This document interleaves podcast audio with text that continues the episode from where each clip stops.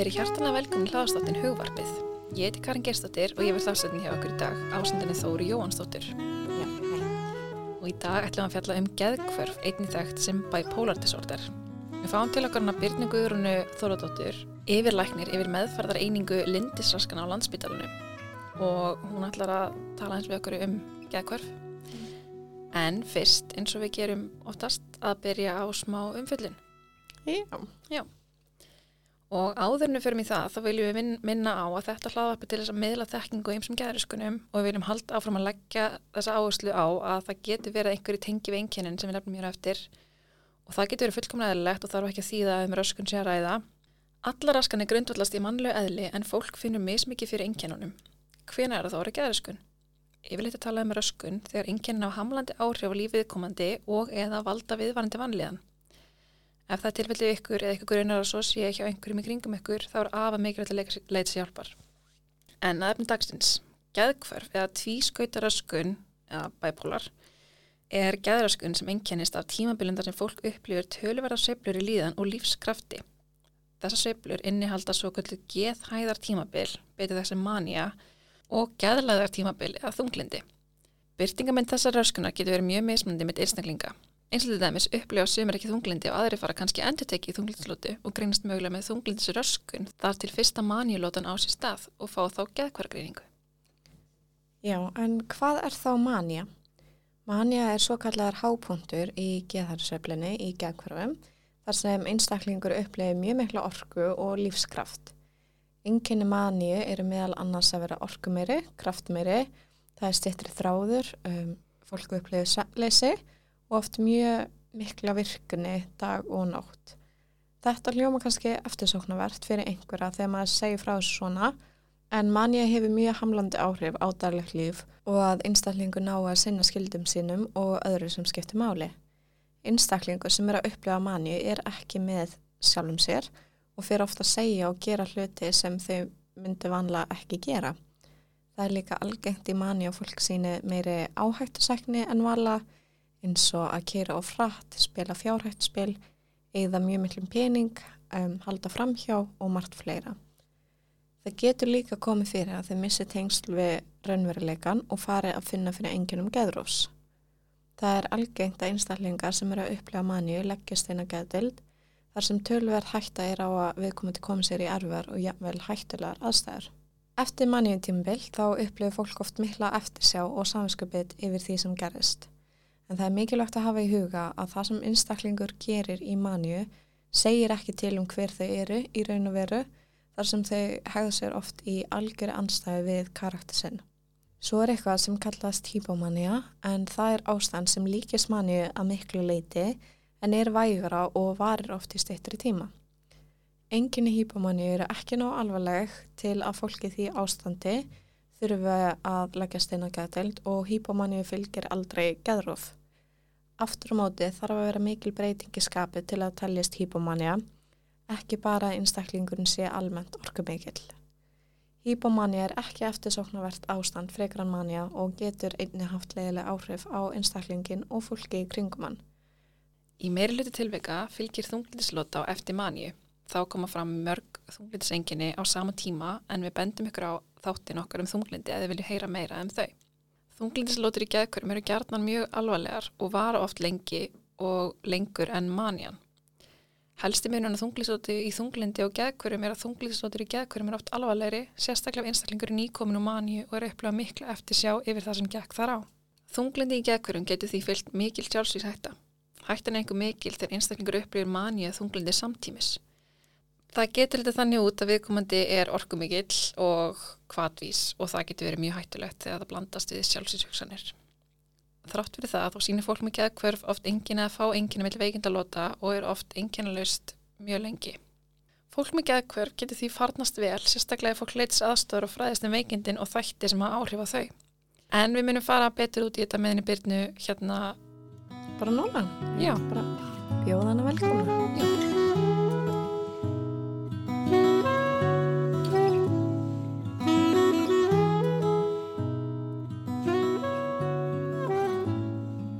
Hinga til okkar komin er hún Birna Gauðurún Þóradóttir, yfirlæknir yfir meðferðar einingu lindisraskana á landsbítalunum.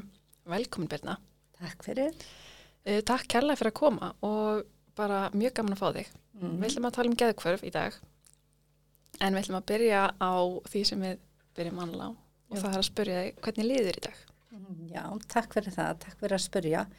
Mér líður bara alveg ljómandi vel. Já. Ég er náttúrulega svolítið spennt og pínlítið kvíðin Já. að vera að koma og vera svona sett í eh, svona eh, on the spot, sem maður segir. en mér finnst bara svo gaman að ræða þetta efni, þannig ég er eiginlega meira spennt bara fyrir þessu samtali. Já, Já. gott að heyra. Hvernig líður þið þóra? Um, ég er búin að sofa svolítið illa síðustu daga þannig að bara ef ég á svara hreinskilina sem við gerum hér Já. þá er ég pínu eitthvað neginn niður drein í Já. Um, það er bara eins og það er. Það er bara svo það er. Já, hvernig liði þið Karin? Heyrðu, ég er bara svolítið að saman bóti og þú þóra. um, ég er búin að vera svona smá bara eitthvað svona, já, streitin er að segja til sín Mm. en ég þarf svolítið bara að huga það sjálfur mér svolítið meira en vanlega en já, en, það er bara þannig um, en bara að efni dagsins Birna, getur þú byrjað að útskýra svona hvað geðkverf er? Já, alveg sjálfsagt. Uh, geðkvörf eru uh, lindisröskun, mm -hmm. geðsjúkdómur sem að lýsi sér þannig að viðkomandi upplifir óvenju miklar sveiflur í uh, líðan og virkni og þetta er oft uh, svona ástand sem að varir í vikur eða mánuði ef að ekkert er aðgert. Mm -hmm. Þannig að ég myndi kannski bara segja að það væri svona einfalda skýringin. Já, og hvað eru þessar geðkvaraseflur eða svona, hvernig myndur lýsa þeim? Já, akkurat. Það er, það er einkennast uh, af þessum tveimur pólum sem eru sem sagt þunglindið og síðan örlindið eða mannjan Mhm.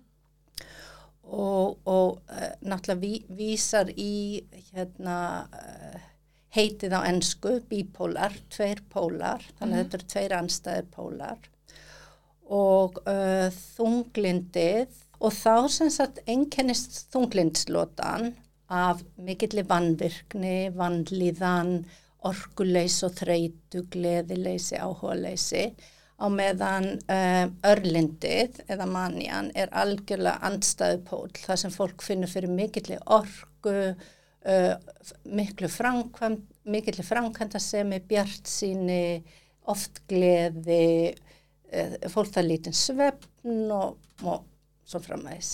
Já. Um, þessi manja, hún svona hljómar bara vel þegar þú segir þetta svona.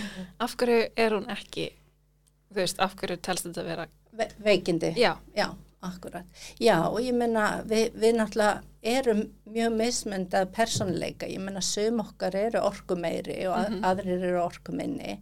En þegar að, sem sagt, fólk er orðið mjög ólíkt sjálfu sér, það er orðið hömlulaust, domgrendalaust, fer fram úr sér á allan hátt og, og allir sem að þekkja viðkomandi sjá að hann er klárlega veikur, þá erum við farin að tala um að þetta sé sagt, ekki gott ástand skadilegt og í rauninni getur verið bara lífshættulegt ef ekkert er aðgert af því að sagt, fólk hættir að sofa, fólk oft hættir að nærast, það bara getur uh, bara kert sig út. Já.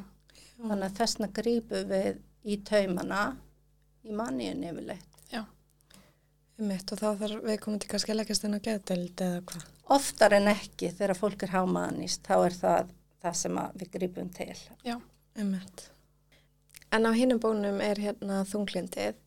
Um, er eitthvað munur á þunglindslotu í geðkurum og í, þú veist, þunglindi sem, þú veist, sér lindis röskan? Akkurat. Uh, það eru svolítið deildar meiningar um það en uh, greiningaskilmerkin uh, grein ekki þarna á milli. Það eru Nei. sem sagt, þú þarft að uppfylla sömu greiningaskilmerki fyrir uh, enkenni í þunglindi, bara í þunglindi eins og þunglindi í manju. Þannig að sem sagt, uh, greiningaskilmerkin ger ekki upp á milli En við sem að vinnum með fólk sem er með þessar tvær ólíkur raskanir, uh, okkur finnst oft að um, bípólar þunglindið sé pínlítið öðruvísi og þá til dæmis að þá er fólk gerðnar á að sofa meira mm. en að, að sofa minna eins og oft enginnir hitt þunglindið. Uh, fólk uh, borðar oft meira líka, sem sagt, já, nærist meira og þingist í bípólar þunglindinu, mm. í hinnu þunglindinu og kannski svona mm, kannski aðeins minni kvíði í bíbalaþunglindinu og fólk svona verður uh, uh, finnur líka jafnframt fyrir kannski bara meiri þörf á að, að, að, að sofa og liggja fyrir mm. þannig að það eru svona það, það er svona kannski einhver styggsmunur Já, já og er þessi byrtingamind á þessum sjúkdómi, er hún eins fyrir alla? Er þetta alltaf sama? Um, nei, það er nú kannski bara eins og með allt og öllu veikindi að við erum öll svo ólík þannig að byrtingamyndin er kannski, það er einhver styggsmunur á. En til þess að geta greint einhvern með geðröskun að þá náttúrulega þarf hann að tekja í einhver bóks þannig að við erum alltaf að líti eftir svona einhverjum enginnum sem að um, eru þá eins fyrir alla. Þó, þó, þó svo kannski byrtingamyndin getur verið örlítið mismöndi Já. En það er oft þannig að eh, ef að þú ert með geðröskunna þá eru veikindalótunar þínar líkar hver annari. Já, ok. Já. Þannig að fólk getur pínleiti gengið út frá því að gangurinn verði svipaður eins og þegar þú vekti síðast. Já, Já geta kannski lært að þekka merkinn um hvenar annarkvort maníulóta eða þunglinnslóta er komað eða hvað? Algjörlega, ymmit og það getur verið mjög hjálplegt fyrir fólk þegar það svona fer að læra inn á um, svona það sem við kallum tryggera sem er kveikir, kveikir á íslensku. Ymmit, þegar fólk fer að læra inn á kveikirnar þá getur það oft svona forðaði að lendi sagt, mik mik miklum veikindum. Mm, ymmit Ok, þannig að maður getur satt, samhliða svona uh, annars konar meðferðavinnu, maður getur haldið enginn sínum kannski einhvern veginn í skefjum með því að vita kveikina sínar. Algjörlega, algjörlega og það er það sem við eh, leggjum meir og meira áherslu á núni í setni tíð að sagt, hjálpa fólki að þekka veikindin sín, þekka kveikjurnar til þess að geta að lifa góðu lífi með sínum sjúkdómi. Já þannig að það er bara mjög verðmætt þegar fólk er tilbúið í svoleiðis já. vinnu Emmett. Og er eitthvað meira sem er hægt að gera svona bara sjálfur til þess að halda þessum enginum í skefjum? Uh, já, það er svona uh, já, það er sko aðalega svona allt sem að snýrað svona kannski þessu leiðilega þessari reglu sem svona eins og að huga vel að svefni sem að hafa, hafa góða rútín og svefni, uh, næring og reyfing, reyna að forðast, uh, áfengi og výmefni. Allt þetta er mjög vermætt og hjálplegt og, og fólk bara finnum mikið mun þegar það byrjar að huga þessum hlutum þannig að það þarf í rauninni ekkit að segja fólk þetta, ég held að viti þetta allir sko, Já. en þetta er ekkit kannski það mest smarta að þurfa að huga þessu. Nei, en þetta, þetta er svona það sem fólk getur gerð sjálft, já. Já, já einmitt, og þetta kemur upp aftur og aftur í þáttunum hjá okkur, já. þessi þættir, þannig að fint að minna á það. Algjörlega. En geðkverf, þau skiptast í tvær tegundir, er það ekki? Bipolar 1 og Bipolar 2. Getur þau list muninum á þeim? Já, einmitt. Uh, Kanski helsti munurinn er sem sagt að manjan. Mm. Að til þess að geta greint einhvern með bipolar 1 að þá þarf hann að hefa fengið bara full blown money eins og maður kallar það. Mm. Á meðan í bipolar 2 þá fólk, fær fólk hýbomannjur. Mm. Þannig að þetta er það sem að aðgreinir. Mm. Og síðan náttúrulega er líka sjúkdómsgangur næðins öðruvísi í bipolar 1 og 2. Mm. Að þá sem sagt... Uh, Bípolar 2 einkennist meira af svona þunglindslótum, mm. endur tekna þunglindslótum og getur oft litið út eins og þunglindi, frekar svona, sem sagt, já, endur tekið þunglindi, frekar heldur en geð, já, bípolar geðkvörf. Já. Þannig að, uh, já, en á meðan í bípolar 1 þá svona, já, fær fólk inn á milli, alltaf ma manniu eða örlindi slótur en það, þunglindi getur líka orðið svolítið mikið ríkjandi þáttur mm. þar. Já. En það er mannian sem er það sem greinir á milli. Já, og hvað er hýbomania?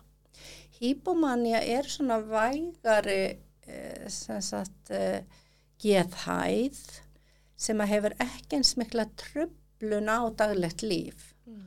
og hún það, til að geta greint hýpomanju þá þarf hún ekki að standa eins lengi eins og manjan, þegar hún greinir manju þá þarf ástandi að hafa varði í sjö daga mm. sem sagt án ingrips, án livja eða þess að þú leggur einhvern veginn á geðdeild. En hýpomanju þetta er skemmri tími, það er semst fjórir dagar í svona uh, já, hýpomannísku ástandi. Og já, það er semst tímafaktorinn og svo eru bara mikið vægari enkenni þannig að sá til dæmis sem maður myndi ekki þekkja viðkomandi, hann þurfti ekki endilega að taka eftir því að mm. þú væri í sagt, svona hýpomannísku ástandi og Já. fólk er þá kannski orku meir og gladara en nær samt að sofa, kannski kemur sér ekki eins mikil vandraði mm. og, og getur alveg litið á það sem eitthvað jákvægt og hjálplegt en oftar en ekki þá kemur svona niðursveifla í kjölfar hýbomanníunar þannig að, að, að þýleitinu til er kannski ekki æskileg. Já, ok. En getur fólk í manni ekki líka fyrir í gæðurof? Getur þú sagt okkur frá því? Já, það er alveg satt. Það er ekki óalgengt að í hámanísku ástandi þá getur fólk farið í gæðurofs ástand og sem sagt uh, mist innsægi og fengið uh, ofskinjanir eða um, ránkumundir mm. og, og þá eru þær sagt ólíkt kannski því sem að getur gerst í geðklofa sem er annar sjúkdómur sem að geðróf er mjög algengt í að sagt, í geðrófi í manjunni mm. þá er oft uh, ránkumundirnar og ofskinjanirnar í takt við maníska ástandið þannig mm. að þá væri fólk til dæmis með um, mikilmennsku ránkumindir eða aðsokna ránkumindir og mm. eitthvað í þeim dúr. Það er oft í anda ástandsins. Akkurat. Er eitthvað svona algengt minnstur í gæðkvarum þannig að það er, þú veist, manja fylgir undan þunglindi, þú veist, byrja þunglindi fyrr um, og manjun að koma setna, þú veist, mm -hmm. er eitthvað svona algengt minnstur eða er það bara einstaklingsbundið?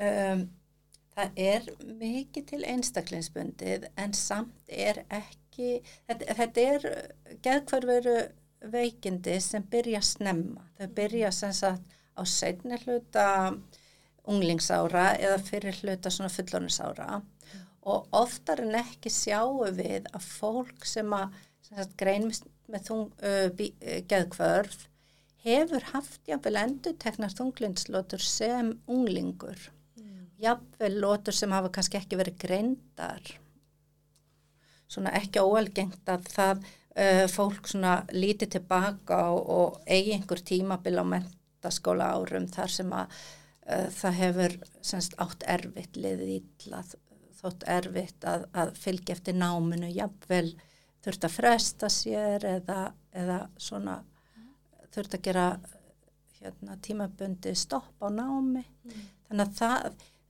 að byrja með enduteknu þunglindi og síðan kemur mannjulótan upp úr eða eftir tvítu og það er mjög algeng mm.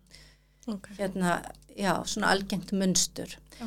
en það er samt sjúkdómsgangurinn og munstri mjög einstaklingsbundið mm. og, og mikið svona tengt því hvernig fólk ákveður að haga sín lífi Er dæmi um það að hérna söfluna verða minni með aldrei eða? eða? Mm, nei, ekki endilega sko. Það frekar talað um að geðkvarfin geta vestnað með, með al, vaksandi aldri, Mm. sérstaklega ef að uh, sjúkdómurinn er illa meðhendlaður. Já. Að, að þá oft verða sagt lóturna tíðari, þrálátari og svona og, og sjúkdómurinn svarar verlifjum. Þannig að það er svona mikið í húfi að grípa viðkomandi snemma og byrja meðhandlan vel og, og svona stoppa svolítið hérna, gangin, sjúkdómsgangin. Já. Er eitthvað að vita af hverju það er? Um, já, svona einhver leiti sko, það eru nú er náttúrulega með svona alls konar nýri tækni þar sem við getum skoðað heilan og starfsemi heilans þá um, höfum við séð að það, það verður einhvers konar skerðingjafvel á starfsemi heilans hjá fólki sem er búið að fara í margar og erfiðar veikindalótur. Já. Þannig að það tengist í líklega að það, það verður til eitthvað svona minni í taugafrumunum sem mann hvernig það er að sagt, vera veikur og þá er einhvern veginn auðveldar að, að rökkvinn í eitthvað svoleiðs munstur. Já. Ok. Þarna, en maður seflast svona sjálfur bara svona í daglegu lífi, eða ekki? Mm -hmm. Um, svona vægar gæðsveiflur, eru þær samt ekki bara eðlar? Jú, ég myndi segja að það væri mjög skrítið ef maður myndi ekkert sveiflast. Já. Það væri maður ansi svona döft yfir manni. Mm. En hvenar getur maður þá farið að kannski ekki, alls ekki greina sig en bara svona veltaði fyrir sér gæti þetta verið þessi sjúkdómur? Já.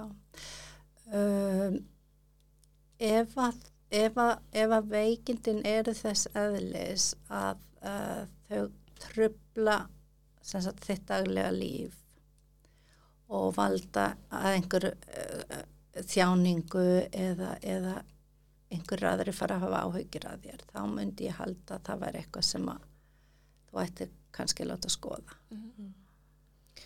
Og hver er svona helsta meðferðin við geðkvara?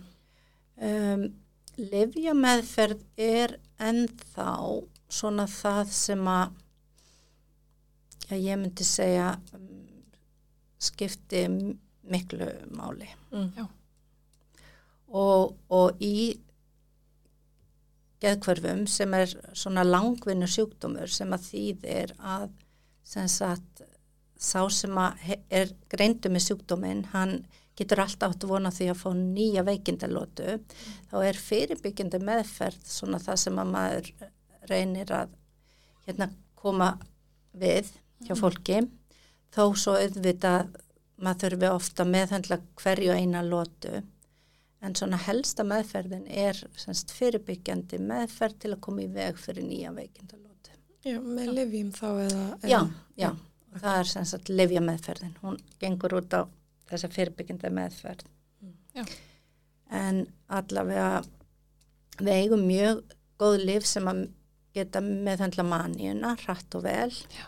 en það er ekki oft sem fólk er til samvinni að vill fara úr maníuna eins og við tölum um hérna á það, það gæti nú alveg verið svona, svona uh, ástand sem fólki líður vel í, allavega svona á fyrstu stigum veikindana, þannig að ef maður fær fólk til að taka liv í manniunni þá getur maður oft stoppa hana mjög rætt.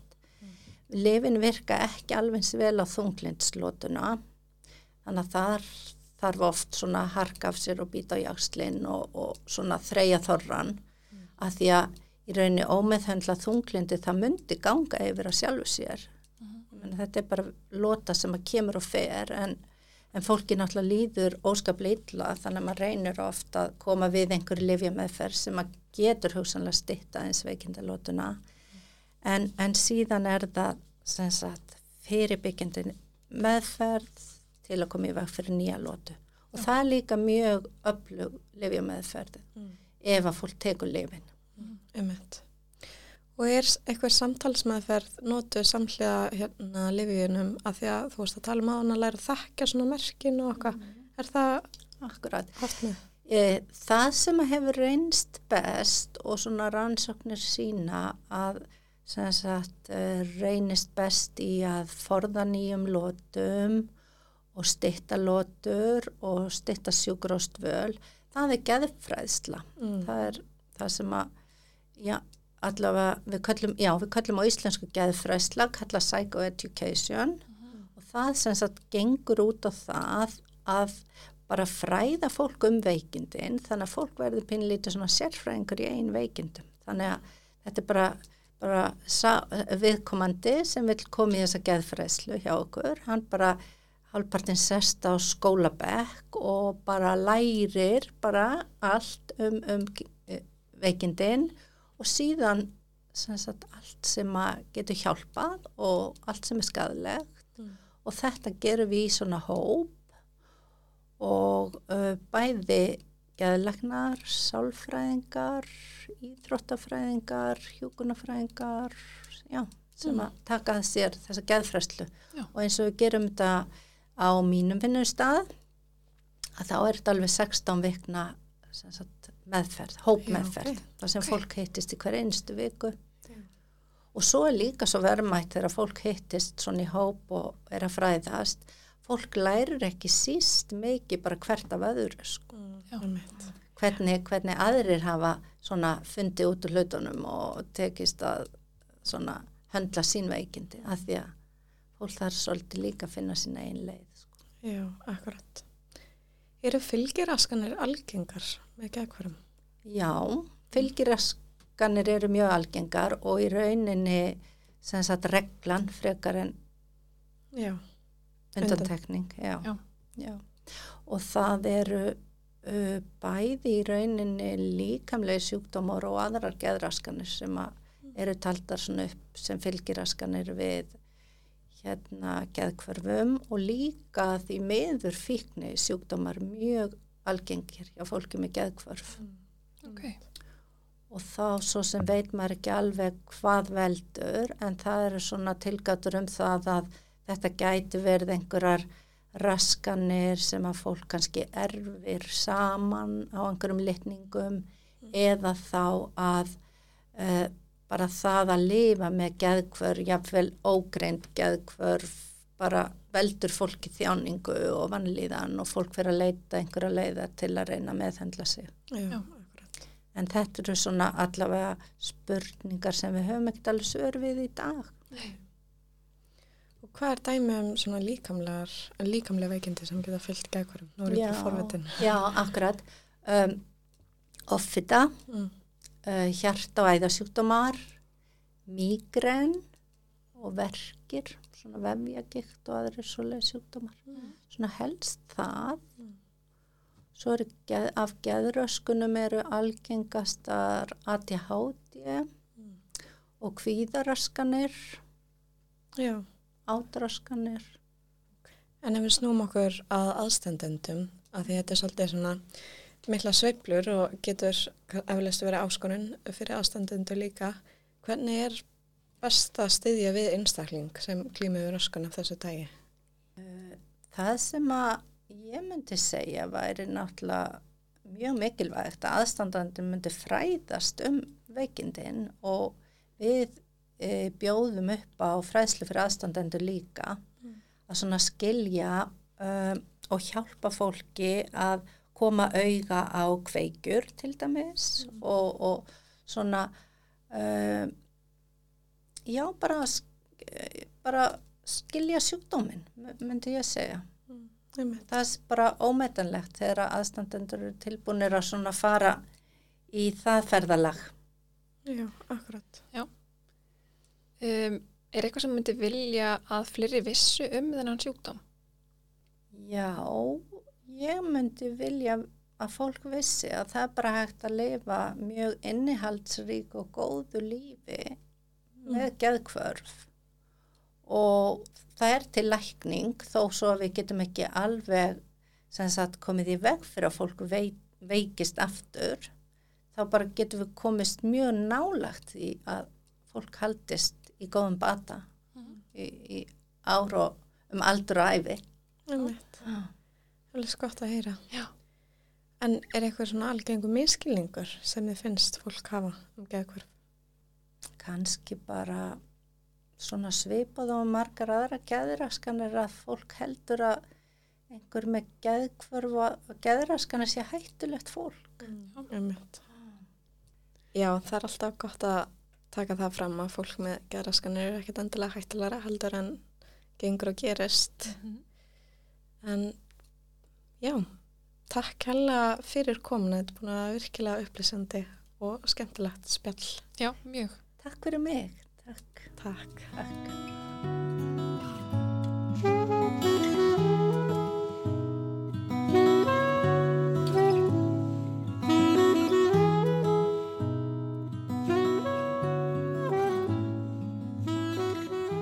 Þetta var þátturinn okkar um geðkvörf. Um, við þakkum Byrna enn og aftur fyrir að koma og spjalla við okkur, mjög áhugavert. Já, mjög. Við bendum á úræðlistin okkar á geðfærsla.is eins og alltaf og eins að þið viljið lesa ykkur uh, meira til um geðkvörf Já, eða aðra raskanir. eða aðra raskanir. Þá segjum við þetta bara gott í byli. Þakka mjög kærlega fyrir að lusta og bara þanga til næst. Það gott.